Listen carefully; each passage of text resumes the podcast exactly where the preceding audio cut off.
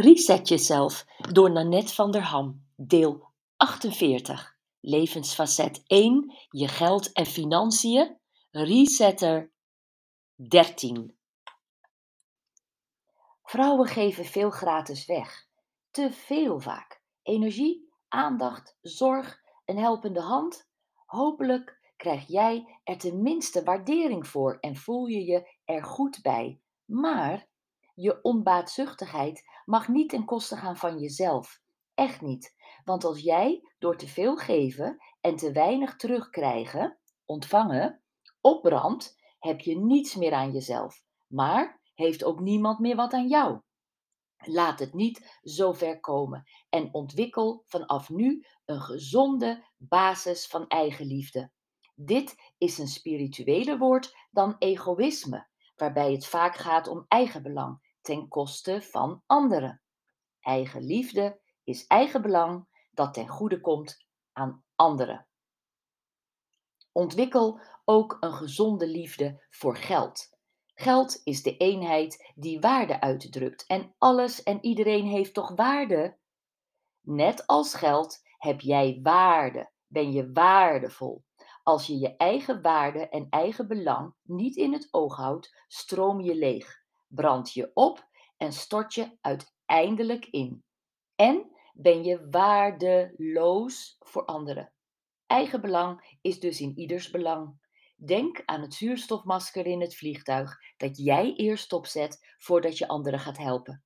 En beantwoord deze vraag: waarom wil jij meer geld hebben?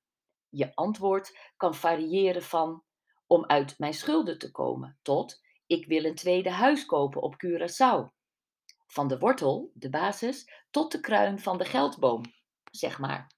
Is je antwoord om comfortabeler te leven, om meer financiële armslag te hebben, dan neem ik daar geen genoegen mee. Verklaar je nader.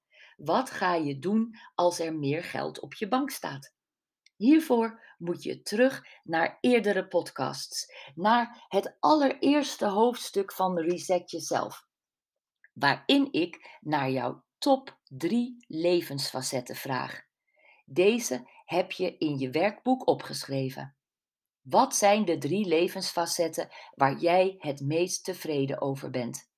Daar wil je hoogstwaarschijnlijk ook zo tevreden over blijven en heel waarschijnlijk is daar geld voor nodig.